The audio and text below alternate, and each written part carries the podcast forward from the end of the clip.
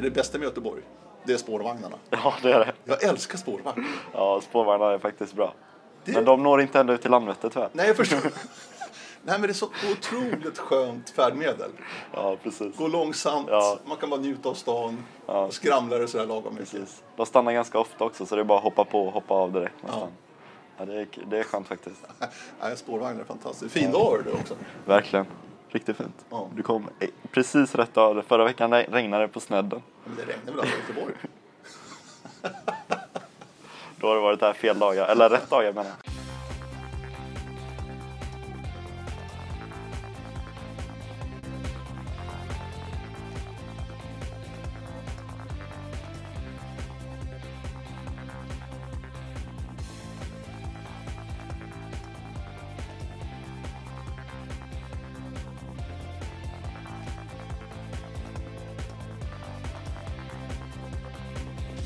Samuel Pilström, välkommen till Radio Oling Podcast. Tack så mycket. Eh, otroligt kul att träffa dig.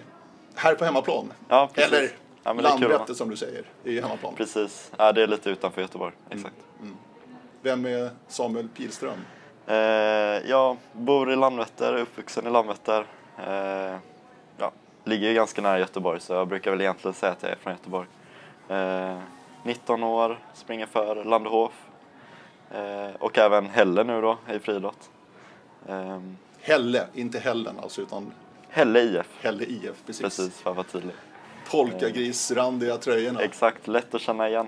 Mustafa Mohamed har ju sprungit för Helle i hela sin Exakt. karriär tror jag faktiskt. Ja, men det, det tror jag också. Han, eh, min tränare har eh, eh, tränat han i många år. Ulf Friberg. Precis.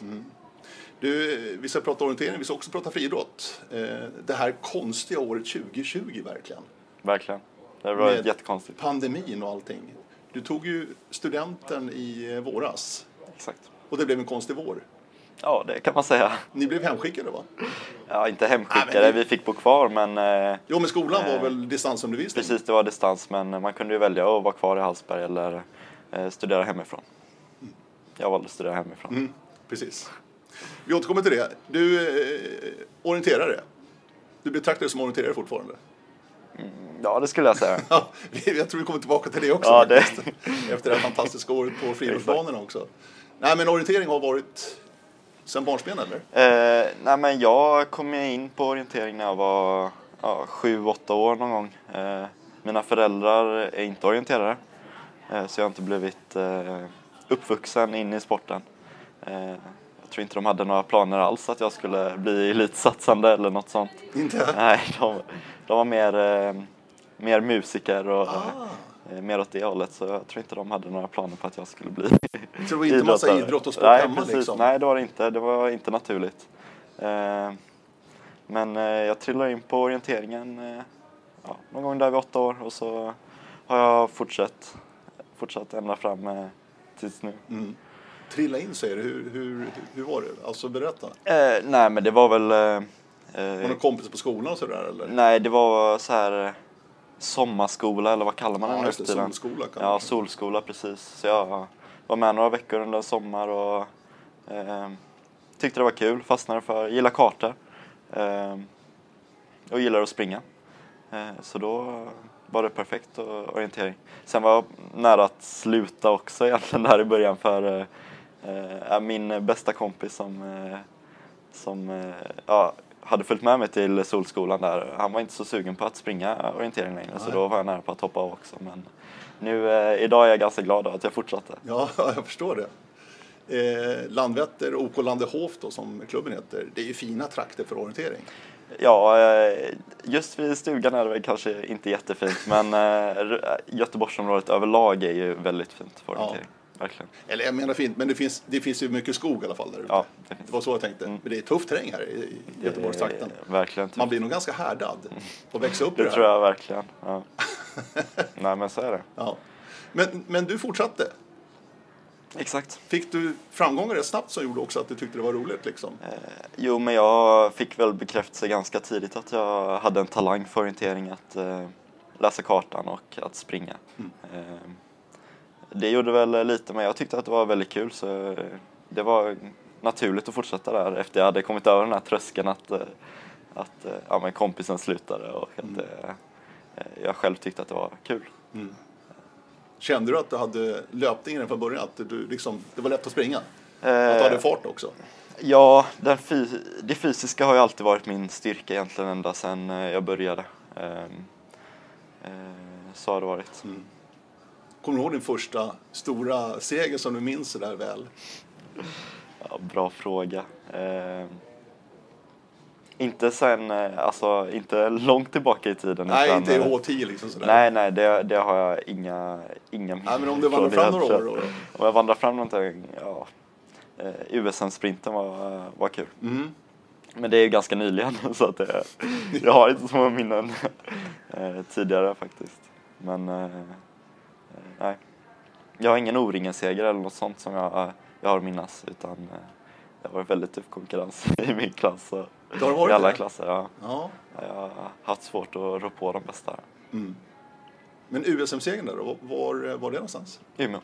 Det var uppe i Umeå, ja. Just det. Det var det året. Mm. Så det var coolt. Det var eh, nästan perfekt lopp så att det, eh, det var väldigt kul att, eh, att det gick hela vägen. Vad betydde den segern för dig? Eh, nej, framförallt att eh, ja, men allt, allt jobb man hade lagt ner liksom mot eh, UBSM var ju liksom stora målet när man var ungdom och att, eh, att allt det jobbet man ändå hade lagt ner hade gett resultat. Det var, det var stort. Och därifrån också med en skön boost också, självförtroendemässigt. Ja, precis. Ja, men det, det gav det verkligen. Det, var, det gav eh, energi till kommande år också. Verkligen. Du, sen gymnasiet så valde du orienteringsgymnasiet i Hallsberg. Eller valde och valde, du blev antagen helt enkelt. Men hur tänkte du inför gymnasiet överhuvudtaget? Hur gick dina tankar? Nej, men jag hade väl eh, ställt in mig på att gå eh, orienteringsgymnasium ganska tidigt för att det... Eh, jag såg det som en bra möjlighet att, eh, att utvecklas och ta ännu ett steg som, eh, som orienterare. Eh, och då blev det Hallsberg. Mm, varför då? Eh, nej, mest var det nog för att det, det låg bra Mm. med kommunikationer. Att det, var, det är bara att sätta sig på tåg två timmar från Göteborg och eh, eh, komma ihåg att hoppa av i Hallsberg som man inte använder i Stockholm. Sen, eh, sen när man Har det hänt eller? Nej, det har det inte. Men, eh, men eh, det är väldigt enkel resväg. Så att det, det var väl egentligen därför. Jag stod och valde lite mellan Hallsberg och Eksjö. För eh, i Eksjö har eh, flera andra klubbkompisar gått innan. Eh, Men det blev Hallsberg.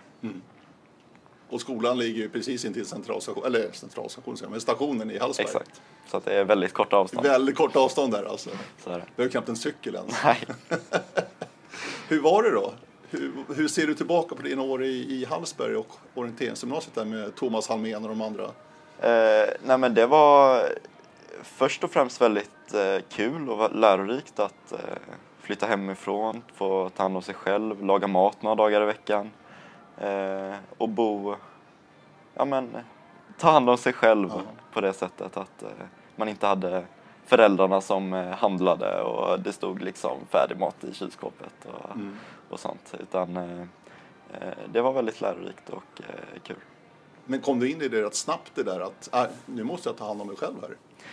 Eh, Man är inte gammal när man börjar Nej, jag vet, gymnasium, jag vet. så att det, det blev väl några månader som, att det, som det inte stod någon frukost i kylskåpet och man hade glömt att handla mjölk eller vad det var. Eh, Men eh, man kom in i det ganska snabbt. Det, ja, det är rutiner liksom som, eh, som sitter efter några veckor. Men annars, alltså det, det krävs ju rätt mycket självdisciplin ändå när, när du hamnar i det där läget utan föräldrarna som du säger, som du har haft under hela din uppväxt liksom, och ta hand om sig själv. Ja, precis. Vad har du för råd att ge till de som funderar på att ta sig in på ett orienteringsgymnasium? Hur eh, ska man tänka när man åker dit? De första veckorna, första månaderna som du säger. Ja, bra fråga. Det, det gäller väl att hitta rutiner som, eh, som passar en själv och, och eh, så att man ja, men, inte slarvar med kosten till exempel. Det, eh, det kan väl vara ganska lätt om, eh, om man eh, är tvungen att laga egen mat och, och inte riktigt har koll på vad man behöver få i sig och, och lite så. Eh, Det, jag, tror att det för många kan vara en ganska stor utmaning att, att börja orienteringsgymnasium. Eh, och det gäller väl att man, att, eh, ta, välja det man tycker är, är kul och eh, där man tror att eh, ja, men, där man tror att man får bäst förutsättningar. Mm. Hur mycket hjälp ger skolan? Då tänker jag inte på orienteringsteknik och träning och sånt där, för det kan de ju. Men de här andra bitarna, hur, hur pass bra hjälp får man därifrån? Eh, Du menar med kost och Ja, alltså sömn, överhuvudtaget vad? liksom att stötta er lite grann. Framförallt de som är nya då, som kommer in. Eh, ja, jag kommer ihåg att vi hade någon eh, ja, men matlagningskurs till exempel, Ah, okej. eller något Ja. sånt. Eh, det var faktiskt eh, lärorikt. Mm. Hade en tränare som var kostrådgivare eller liknande. Och det, ja, men det var lite lärorikt, men det var inga så här stora grejer på att köra, köra in oss på något självständigt spår sådär liksom. Utan det var ganska stort ansvar på oss, oss elever. Mm. Och där är det ju lite så, ja men Hallsberg till exempel, eh, får mat två gånger i veckan, eller middag två gånger i veckan. Får laga mat själv de andra två dagarna, eller när man stannar. Eh, Eksjö till exempel får mat alla dagar. Eh, lite så kan ju vara bra att resonera om man eh, eh, inte känner att, eh, ja men, att laga mat är sin starka sida liksom Nej. och eh, behöver lite hjälp med det liksom. Mm. För det går inte att slarva med maten heller. Om man ska liksom försöka utveckla sig och bli bättre, man måste ju träna rätt mycket. Verkligen. Det är, visst, träning är en grej med att eh, sköta bitarna bredvid med kost och sömn och ja, återhämtning överlag. Det är väldigt viktigt. Mm. Jag, minns, jag har ju också gått på orienteringsgymnasium. Mm. Eh, Sandviken eller vad? ja, exakt. Då hade vi också, vi hade frukost också. Ja. Okej. Som vi cyklade bort till elevhemmet och käkade. Och sen lunch på skolan och så middag i elevhemmet igen. Ja. Ja, Det då var måste man lyxigt. fixa ganska... Det var ja, lyxigt. Ja, verkligen. Ja, det, ja det, så var det inte riktigt på Hallsberg utan där fick vi fixa ja, lunchen fick vi i skolan såklart. Mm. Eh, frukost fick vi fixa själva och sen lite middag ibland. Mm. Kombinationen eh, studier, du bor ensam själv då, inte speciellt gammal, och träningar. Så det här med studierna också. Du menar hur det gick att få ihop det? Ja, exakt. ja För det är, också, det är inte helt lätt för alla heller. Nej, och sen får man ju komma ihåg att man bor inte själv, man bor med ett helt Ja, annat gäng som man exakt. ska hinna vara social med och, och eh, ha kul. Så det är mycket olika saker att ta hänsyn till. Mm. Och det, eh, det är såklart att det har varit eh, lite utmanande att hitta en bra balans mellan skola och träning. Eh, men eh, någonstans får man ju, det handlar återigen om ansvar, liksom att man får ta ansvar för att man hänger med bra i skolan och man eh, hinner träna bra också. Liksom. Utan, eh, ja, så är det ju. Vad gick du för program? Natur. Ja, just det. Vad har du siktet inställt? Har du något sånt där fram... Ja, om du tittar bakom din karriär, liksom, nu, nu är du ju mitt uppe i din karriär Samuel, jag vet det. Men om du tittar framåt, liksom, vad vill du pyssla med? Eh, ja, det är en bra fråga. Jag För natur är en väldigt bra linje att ha på Ja, precis. Ja. men så är det.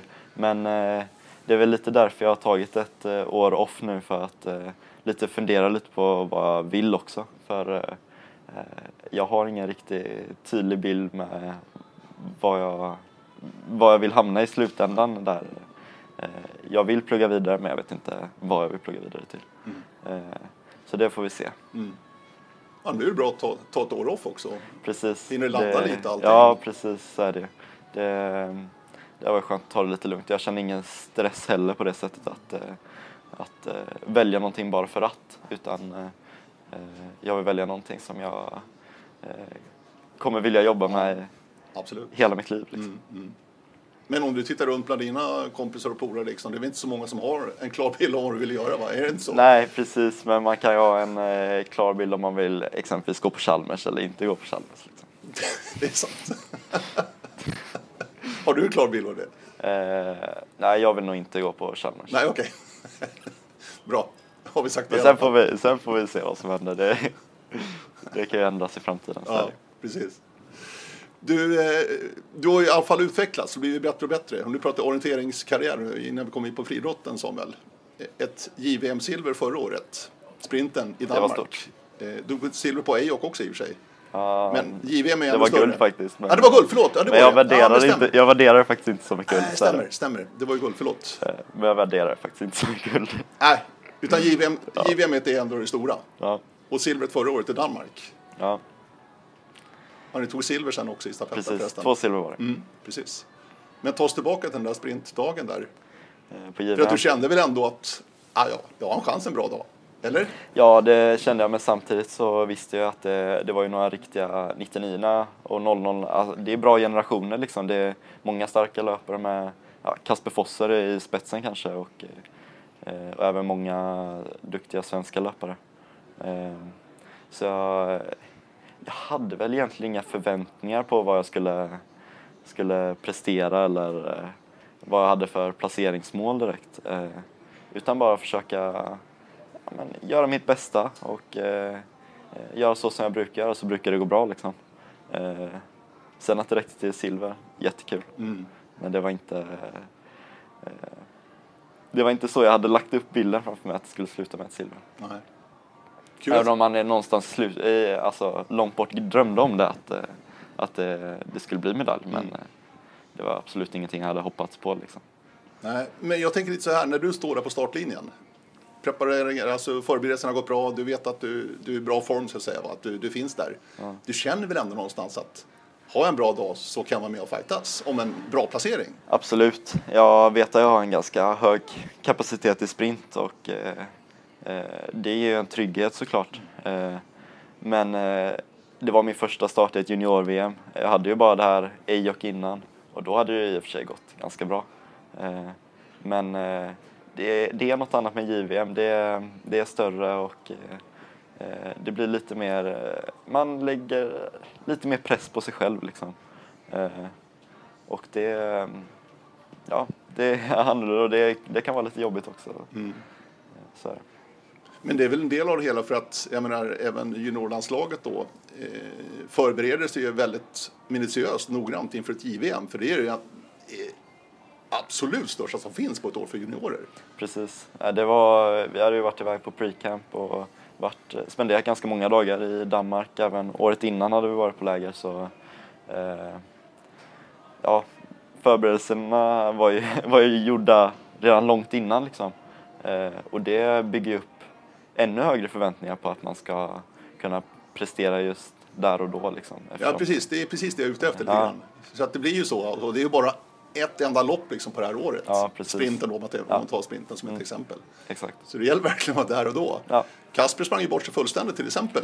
ja, det gjorde han. Han fick ju inte alls till det där. Nej, det... Han har lite för hög fart där i början. Antagligen. Han, eh, ja, huvudet hängde nog inte riktigt med där. Nej. Utan han sprang nog kanske lite för fort. Ja.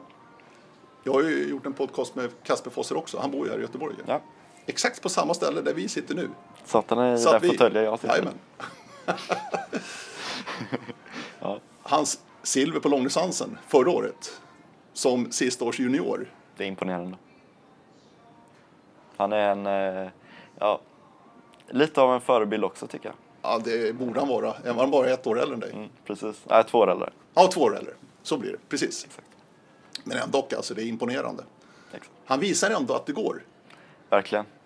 Även på en eh, distans som eh, ja, långdistansen är det att det, eh, ja men, tidigare har det sett ut att man eh, behöver ha ganska mycket träning i grunden liksom för att, eh, för att orka med att hänga på de bästa liksom. Men eh, Kasper visar ju att det går, även om man är junior. Mm. Mm. Det är coolt. Ja, det är väldigt, väldigt coolt alltså. Som sagt, Kasper sprang bort sig på den där. Sen vann han ju resten i och för sig. Precis. Han eh, är- Just på sprinten slog jag honom. Ja, det, gjorde det leva absolut. Ja, precis. Men den där sprinten, hur pass väl kunde ni om det? Här var ju utkanten av Århus. Eh, sprinten gick i ett område som ni visste var det skulle gå någonstans. Hur väl hade ni så att säga förberett er? Eh, nej, vi hade ju eh, eh, ritat karta över området. Eh, fått eh, hjälp av med ledarna. Eh, så vi hade en bra bild och sen var det eh, ja, men förberedelser eh, genom Street View och sånt. Det är ju väldigt effektivt på sprint. Så är det för att få en bild hur området ser ut. Eh, så jag skulle säga att jag var väldigt förberedd på, på vad som väntade där. Du lägger mycket tid på det där. Eh, det är lite olika, la, vet jag, Ja, alltså. nej, men jag, jag la väldigt mycket tid på det inför JVM Sprint i alla fall. Eh, det kommer jag ihåg. Mm. Eh, men det krävs ju också att man har eh, intresset för det också och tycker att det är kul och nörda ner sig sådär. Mm. Eh, eh, vissa kan säkert prestera utan att, eh, ja, men, förbereda sig lika mycket. Men för mig funkar det då Ja, på JVM-sprinten. Ja, precis. Jo, jo, jo. Men du sa att du tidigt också gillade kartor. Ja, Hur yttrar det sig liksom? Vad, vad, vad innebär det? Eh, när du säger så? jag har alltid gillat att kolla men, kartböcker. Jag har alltid gillat ja. geografi. Alltid, har man fått en karta så har man alltid, eh, eller har jag alltid eh, eh, ja, studerat den noga. Liksom. Det har varit eh, kul att analysera och lite så. Eh, så det tycker jag, eh, ja det satts, eh, ja. Det fick jag med mig tidigt liksom. Ja, kul alltså. Ja. Underbart. Eh, silver är på JVM. Hur är det att vara på ett JVM? Det var ju första så att säga. Var Ja. det som du hade föreställt dig eller? Eh, ja, det var, ja, det kan man väl säga. Det var stort och det var, mm, eh, ja, man kände pressen också. Så var det. Eh, det var, mm, nej, som sagt stort. Det är invigning och sådana här grejer också på ett JVM. Precis. Få Så ta på det- sig landslagsoverallen och Ja, ja, ja, men det, eh, det hade som sagt sprungit in eh, året innan också på, på Ejok. På Ejok, ja. eh. Häftigt. Du, eh, som sagt var, 2020 blev ju inte som vi hade tänkt oss. Nej, inte riktigt. Och det gäller ju oss alla. Vi har ju drabbats alla på något sätt. Ja. Eh, en del mer än andra, men ändå också har alla påverkats på, något, på ett eller annat sätt. Och för dig var det då att du, du valde att åka hem då istället när skolan stängde för distansundervisning istället i våras. Yes.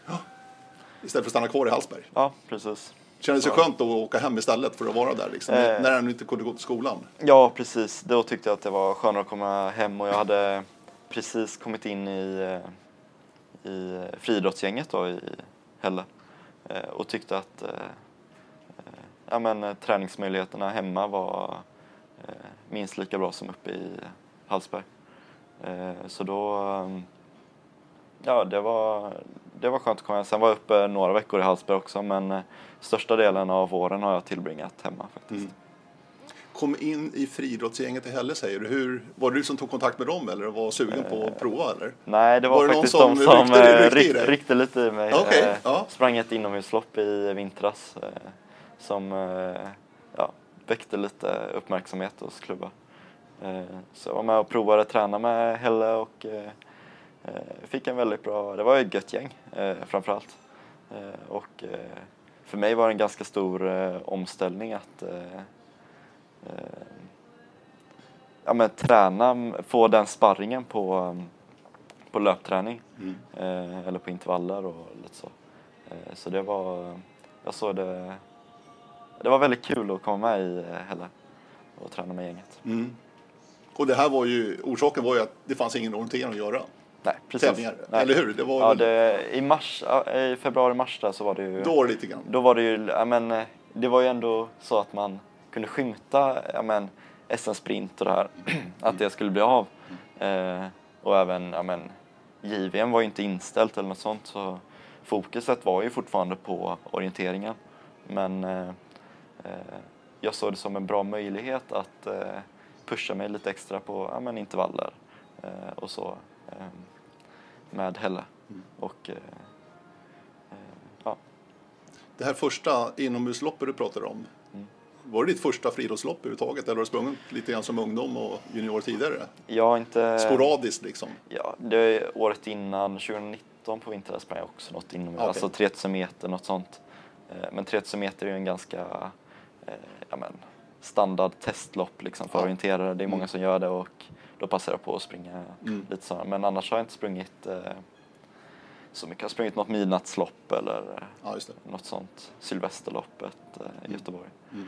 Eh, Men annars så, så har jag inte haft den foten inne i friidrottsvärlden innan. Nej.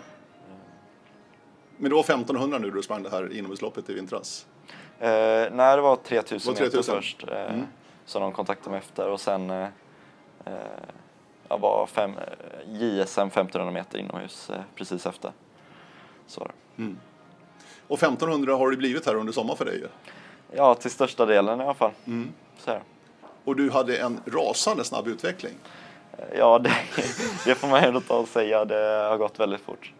För du hade inte sprungit många 1500 lopp på bana. Nej, det var det i vintras och sen sprang jag ett i början av sommaren och sen så sprang ett fort 1500 meters lopp i Huddinge som var riktigt bra. Precis. För det var ju, du rasade ju 58, 52, 44 då i Huddinge där. Höga Exakt. 44 och sen var det låga 44. Men, ja. Ja, det slipat lite på, precis. exakt, nere i Tyskland sen Ja. också. Eh, exakt. Men vilken otrolig utveckling har du. Ja, det, Hur går det är att förklara? Ja, ja, jag vet inte hur riktigt jag ska förklara men eh, enklast är väl att säga att det, det är på grund av eh, eh, träningen med Helle. Det har varit, eh, fått eh, otroligt bra stöd där eh, med eh, ja, min nuvarande tränare Ulf Friberg och, eh, och väldigt bra sparring och eh, god känsla i gruppen, i, i träningsgruppen då i Helle. Mm. Det skulle jag säga är förklaring Mm. har inte gjort något revolutionerande i träningen utan det, jag tror att det, det är ja, men, tränare och, eh, och träningskompisar som är den stora skillnaden. Det visar ändå på att du har en enormt bra grundkapacitet. Och så får du lite specialträning så att säga, va? Ja. och vässa lite grann de här bitarna och bli så bra på 1500 meter så snabbt. Ja, jo. Imponerande måste jag säga. Ja, tack. Det, det är faktiskt, det har varit väldigt kul. Jag har känt att 1500 meter har passat mig väldigt bra också. Eh, eh, Men sen eh, som jag sa, det, det fysiska har alltid varit min styrka egentligen. Eh, Så att eh, jag kanske har byggt på det med lite mer specifik träning mot 1500 eh, som gjort att det, det har lossnat lite och jag har tagit ett, ett extra steg liksom. Men eh, den fysiska grunden har jag absolut haft. Mm. Så, Och SM i Uppsala, det var bra. Finnkampen. Ja, det, det såg jag inte framför mig när jag stod där och övervägde om jag skulle börja träna med Helle. Det är otroligt faktiskt. Va? Ja, precis. Nej, men det, det har varit eh, riktigt kul faktiskt. Jag förstår En det. säsong som man inte trodde skulle bli av överhuvudtaget. Friidrotten har kunnat hålla igång på ett annat sätt än orientering också. Det kan väl ändå slå fast va? Eh, jo, så är det väl. Det har varit lite enklare att eh, arrangera friidrottstävlingar på det sättet att eh, det på ett 15 meters lopp, det är inte 50 personer som springer eh, i ett och samma lopp liksom. Eh, Medan orientering har ju varit lite hindrad av det att eh, ja, men 50 personer samtidigt i skogen liksom, trots att det är en kilometer mellan löparna. Det är, eh, det är lite orimligt egentligen men eh, eh, ja, det är så det har blivit och orienteringen har ju inte kommit igång förrän nu senaste veckorna. Mm. Det är redan slut Ja, precis. Jo. Nu var det ju sprint-SM i helgen i och för sig i Örebro. Ja, precis. Mm. Där du var, du blev diskad Ja, det, i lördags. du behöver inte påminna mig. Nej, okej. Nej, men du var Nej, inte ensam, det var flera som blev Ja, diskade. nej, men det, det var ändå skönt att det var inte bara jag som Nej. hade, hade gjort det misstaget utan det, Mm. eh, det var klantigt helt enkelt. Ja, så är det. Eh, men det händer och man får bara lära sig av det och gå vidare. Mm. Du, jag tar mig tillbaka till 1500 meter. Jag har ju sett några av det, jag har inte sett alla, verkligen inte. Men SM-loppet har jag sett. Mm. Eh, Finkampen såg jag naturligtvis när du sprang. Det vill man ju inte missa. Nej. Nej. Du har en, alltså 1500 meter är ju också rätt mycket strategi och taktik. Mm. Eh, skulle jag vilja säga. Ja, det, det kan man säga. Man måste ändå ha en plan för sig själv och sen får man naturligtvis anpassa sig till hur loppet utvecklar sig. Exakt. Hur, hur mycket tid har du lagt på sånt här? För att det är ändå mycket erfarenhet också i det här och lära sig springa 1500. Precis, och det var väl det jag saknade lite i början egentligen när eh, jag sprang fem, första eh, 1500 metersloppet eh, i somras då när det var 52. Det var ändå pers med fem sekunder från i vintras liksom. Men ändå kände jag att jag saknade den här rutinen för att hitta en ja, men, strategi för hur man ska springa liksom. Och det är ju någonting som har, har blivit bättre under säsongen eller under sommaren och, och lite under hösten för att eh, det krävs bara att man springer fler lopp så eh, får man liksom den, eh, den eh, känslan för hur man ska springa, hur man, eh, hur man ska lägga upp loppet och eh, ja, hur man ska anpassa sig till, eh, till hur andra springer också. Mm. För min känsla då när jag har sett dig springa är att du har ändå förmåga att kunna hålla farten väldigt bra hela vägen i mål.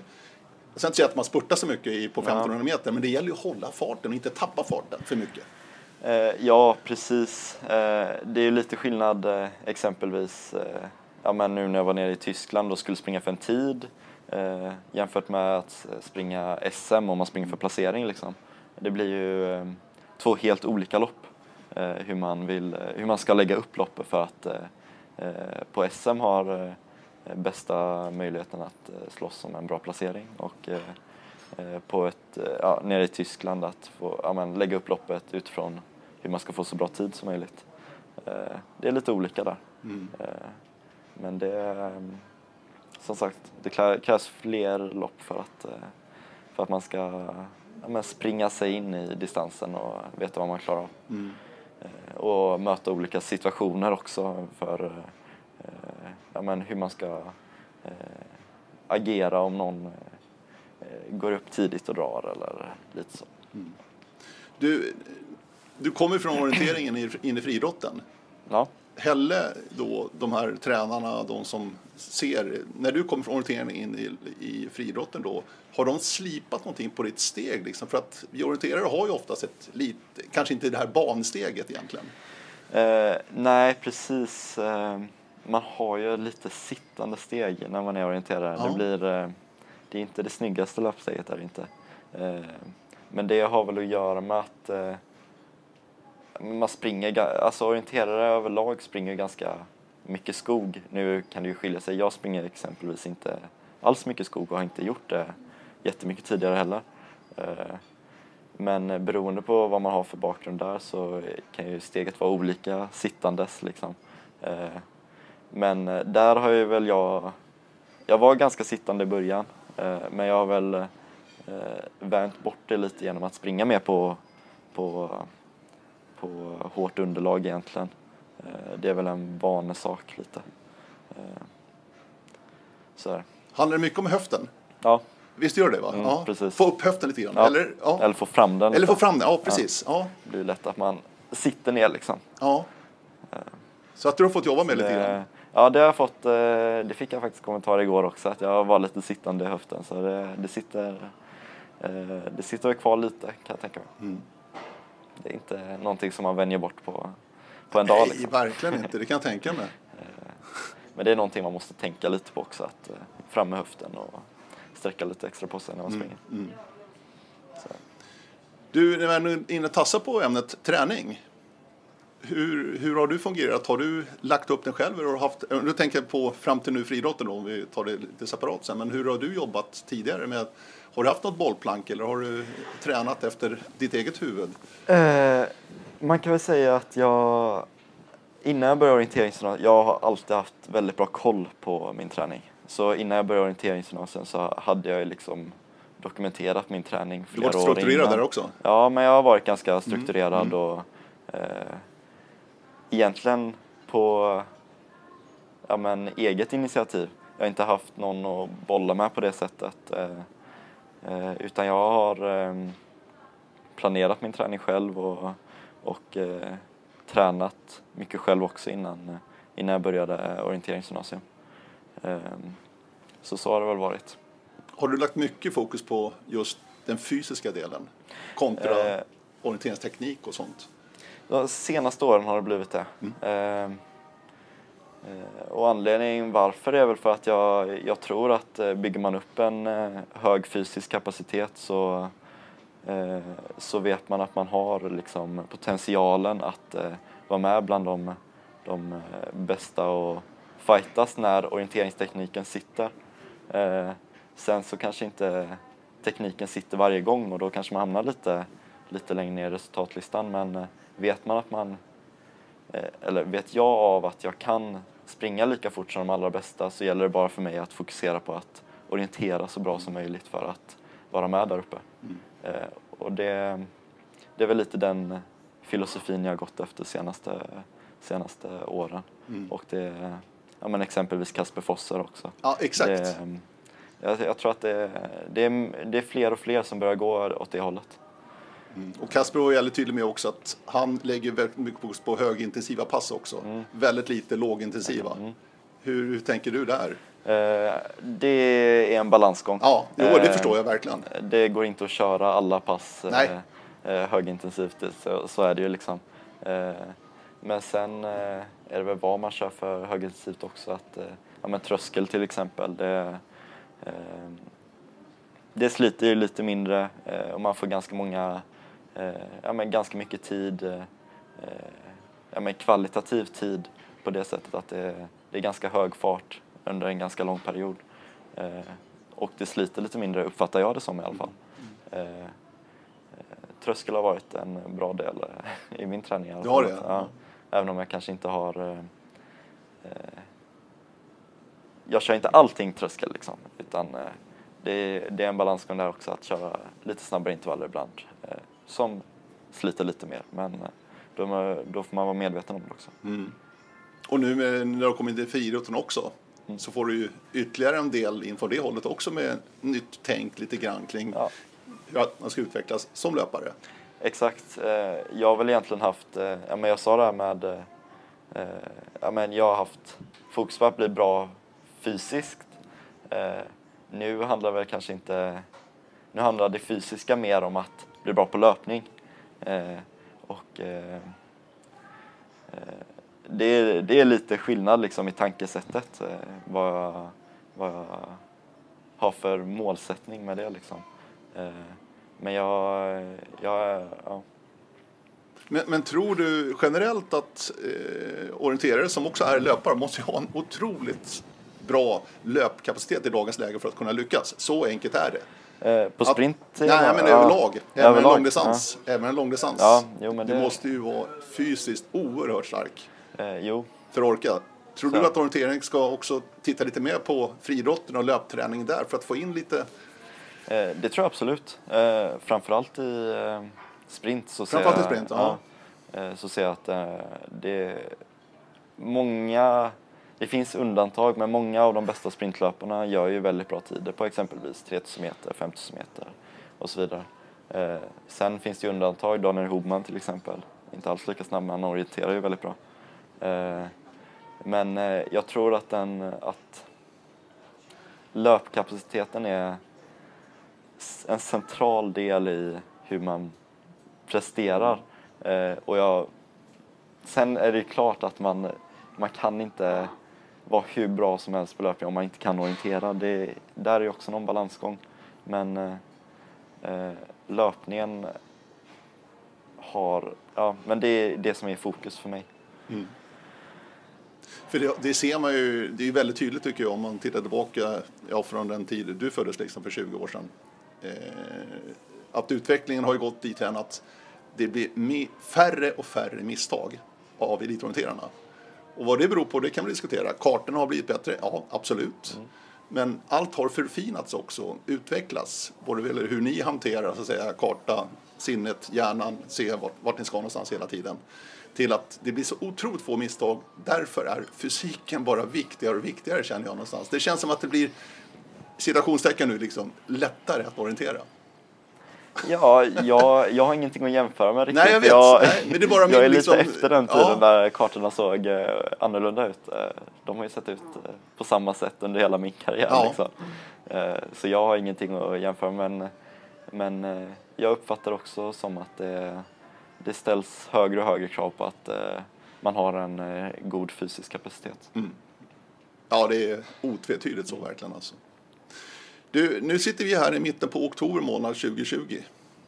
Eh, och du har slagit igenom får man säga som friidrottare också i år Samuel. Fantastiskt kul tycker jag. Jag tycker det är jätteroligt. 3.44,27 ska vi säga också. Ja. Det är ditt personrekord på 1500 meter. Exakt. Du, titta framåt lite grann nu. Hur funderar du? Eh. Vad det gäller vad du ska fortsätta eller kan du fortsätta och köra bägge två eller hur, hur resonerar du? Det är jätteintressant tycker jag. Precis, det är många som tycker det, för den frågan har jag fått väldigt många gånger ja, senaste det. tiden. Ja. Eh, och det är ju, jag uppfattar det som att eh, eh, det är svårare att kombinera friidrotten med eh, skogsorienteringen till exempel. Eh, det, det, ställer lite andra krav på, eh, ja, men på löpförmågan på det sättet att ja, men, att man har inte riktigt koordinationen eller så för att springa i skogen när man är tränare för att springa på hårt underlag. Eh, på det sättet tycker jag att det skär lite mellan, mm. eh, mellan friidrotten och eh, skogsorienteringen. Medan det är, jag ser det som lättare att kombinera eh, friidrotten med eh, sprinten. Eh, och jag får säga att jag tycker att eh, både orienteringen och friidrotten är väldigt roliga.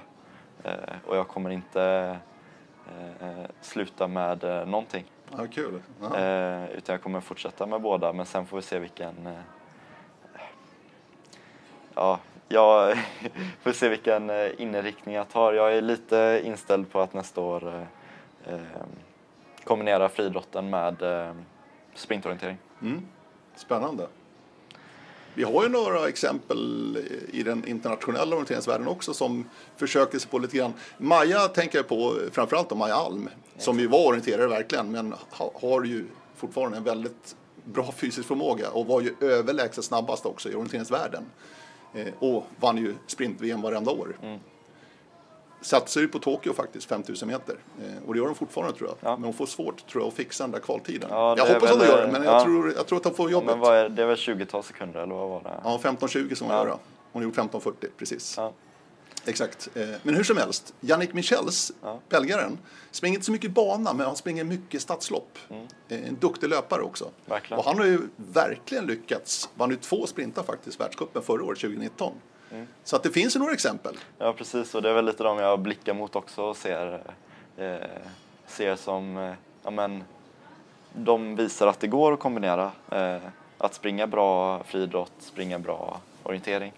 Eh, och jag, tr- jag tror att det går. Mm. Spännande. Men- så men att du kommer bli en sprint, alltså fokusera på sprint nästa år. Eh, i, Vad det gäller nulä- orientering. I nuläget så eh, ser det ut som det. Men sen så utgår jag ifrån att, från vad jag tycker är kul. Eh, I nuläget tycker jag att det är kul med sprint, jag tycker det är kul med eh, friidrott. Eh, Men sen kan det ändras. Men i nuläget är det det jag tycker är kul. Och det är det jag... Det lägger ju... Det på något sätt sätter ju förutsättningarna för vad jag vill vad jag vill lyckas med. Liksom. Det jag tycker är kul är ju det jag vill träna för att bli bra på. Liksom. Mm. Mm. Så det innebär då inför den vinter som kommer nu att det blir ganska mycket friidrottsfokus träningsmässigt kan jag tänka mig. Eh, ja, det blir. Mm. Eh, jag tycker att den eh, träningen är bra och jag tycker att den är rolig. Ja, Eh, och jag tycker att jag utvecklas mycket, mycket av den. Eh, och eh, ja, och det är 1500, du, där ligger du så att säga, det är din distans. Eh, Min distans? Just nu? Eh, just nu, jag har ju provat lite 5000 också, eller jag har provat något 5000. Eh, men eh, 1500 meter passar mig väldigt bra. Så får vi väl se om jag blir bara 1500 eller om det blir kanske lite 800 också eller, eller 5000. Vi får se. Ja, du Men, kikar eh, mot 800 också. Ja, men Spännande. vi, vi får se. Det, det, ingenting är spikat liksom, utan eh, eh, nu ser jag fram emot att eh, träna och, och eh, göra det bästa av vintern och så får vi se eh, vad det blir nästa år. Mm. En inomhussäsong. Ja, Du gillar att springa inomhus också eller? jag har inte sprungit så mycket Nej, innan. men du sprang några lopp i vintras. Ja, precis, men eh, eh, det är väl kanske inte det jag siktar mest på utan eh, som orienterare är man ju ganska, ja men säsongen är mellan mars och eh, oktober Ja, liksom. Ja. Eh, det känns konstigt att tävla i, på vintern men eh, jag ska väl hinna med några lopp på vintern också inomhus Mm. eh, i friidrott. Men eh, vi får se. Men du har fått smak på det i alla fall. Verkligen. Ja, och vad, vad ser du framför dig? säga? Alltså, att du ska sänka tiderna, det är jag helt övertygad om. Alltså, men hur långt ser du liksom? För redan Eh, 344 44 är ju en fantastiskt bra tid. Eh, ja, det, det är väl det jag gillar lite med, eh, med friidrotten att eh, eh, man jagar lite för att Ja, pressa tiderna. förstår, liksom. ja. det, det är lite, man följer utvecklingen på ett annat sätt i friidrotten än vad man gör i orientering. Det är så himla Du får ju bekräftelse på, väldigt Precis. tydligt. Det är svårt i orientering att eh, jämföra eller se utvecklingen på exempelvis eh, utgångsriktning från kontroll eller något sånt. Och då eh, att få bekräftelse på vägen i friidrottsträningen, att man kanske ser att intervallerna går snabbare, eh, laktatet blir lägre eh, eller lite så. Man får bekräftelse att det går åt rätt håll och sen ser att tiderna blir lägre sen också. Eh, det är väl lite det man jagar liksom och det jag tycker är kul med friidrotten. Det låter jättespännande tycker jag. Du, eh, vi måste prata lite friidrott generellt bara. Vi har ju en eh, kille som fyllde 20 år här i september som heter Jakob Ingebrigtsen. Han är ju helt fenomenal. Ja, han är riktigt bra. 3.28, alltså nytt Ja. Europarekord i Monaco i år. Precis. Ja, det, och han är bara ett år äldre. Det, Ja, det är helt otroligt det. Sätter man min tid i perspektiv så är det inte, så är det inte speciellt bra. Men, Ja, man har hållit på lite längre också. han har på lite längre, så är det. Men eh, ja, han är en förebild. Ja, han måste vara det. För de har verkligen lyckats. Och eh, jag hävdar med bestämdhet att eh, Ingebrigtsen, alltså hela det teamet med pappa Hjärtor och alla sönerna, har ju verkligen också dragit med sig Sverige lite grann. För att Sverige upplever ju nu också en medeldistans och långdistansuppgång tydligt. Verkligen. Det är många som har tagit ett steg. Och det, eh, sen har jag bara varit med under det här året, men eh, eh, det känns som att det, medel och långdistanslöpning håller, i Sverige håller väldigt hög nivå. Och det är väldigt kul. Kalle Berglund satte ju nytt svenskt rekord i fjol då, i Doha där när han tog sig till final faktiskt på 1500 meter i, Exakt. på VM. 3.33. Mm, det är bra. Det är bra! Det är bra. Det är riktigt bra. Fantastiskt bra. Exakt. Verkligen. Så att, men du har inga resultatmål så där framöver liksom? Eh, nej, det har jag inte. Eh, jag får väl kolla igenom vad som eh, väntar nästa säsong och se om, jag, se om jag vill eh, ja, men se vad jag ska sätta upp för mål inför nästa säsong. Eh, sen är det såklart att eh, eh, friidrotten motiverar lite eftersom att eh, eh, ja, men friidrott, 1500 meter, OS-sport, orientering, inte OS. Eh, det, är, det känns som att det är en ganska stor grej som man får uppleva som idrottare. Eh, och att ha den målbilden någonstans i horisonten känns... Eh, ja, men, det är drivande också. Eh, Men sen så måste man ju ha såklart delmål på vägen. Men eh, eh, någonstans eh, är det... Ja, ser man det i horisonten. Mm. Du, eh, i år har det varit väldigt mycket diskussioner kring skorna. När eh, de här sviktande, fjädrande skorna som används som maratonlöpare till att börja med ju, börjar användas på bana också ju. Men det förbjöds va? Ja, i, i somras för, förbjöds det att ha, tror att det är, ja, man får högst ha 25 mm hög klack eller sula på, på bana. Mm. Så det förbjuder ju eh, de här eh, ja, men, höga eh, med mycket, mycket dämpning och en karbonplatta i. Liksom. Mm. Eh, Men jag tyckte ändå, jag vet inte om du såg det, men eh, jag såg ju världsrekordloppen nere i Valencia, i, det var väl förra fredagen tror jag faktiskt. Ja, det var nog förra veckan. När Cheptegei eh, eh, från Uganda sprang 10 000 meter och krossade Bekeles gamla världsrekord. Mm. Ja, det är, Helt galet, 26-11 Ja. va? Ja, jo precis. Han har väl slagit tre världsrekord i år. Ja. Och där var det två saker som slog mig. Dels ljusharen då som Ja. användes, eh, det ska vi prata om också. Men även skorna. För jag tyckte ändå att i de spikskorna han använde så var det en liten, liten typ sån där klacken då alltså. Precis, men den är ju inom ramarna då för Ja. vad som är godkänt. Men där ligger också Eh. någonting sånt här material. Med. Ja, precis. Jag... Nu såg jag inte exakt vilka skor han hade, men jag tror jag har eh, samma skor. Ja, okej. Eh, och... ehm, Ger det någon effekt? Känner du det? Att... ja, i alla fall på de här högre skorna är det ju eh, stor effekt tycker jag. De är bra, ja, precis. Ja, nej, men de är, de är snabba, De... får man säga. är det någonting du tränar i eller? Eh, inte träna jättemycket i, för jag tycker att det blir... Tränar man i det så vänjer man in ett litet eh, ja, men, Mm. onaturligt löpsteg. Eh, men tävla i dem... Eh, ja, jag tränar i dem ibland. Eh, tävlar i dem eh, när jag får. nu då. Mm. Eh, man får ju fortfarande tävla i dem på väg. Mm. Så är det. Men ljusharen, vad, vad tycker du om det? Ja, bra fråga. Det, det är väl... eh,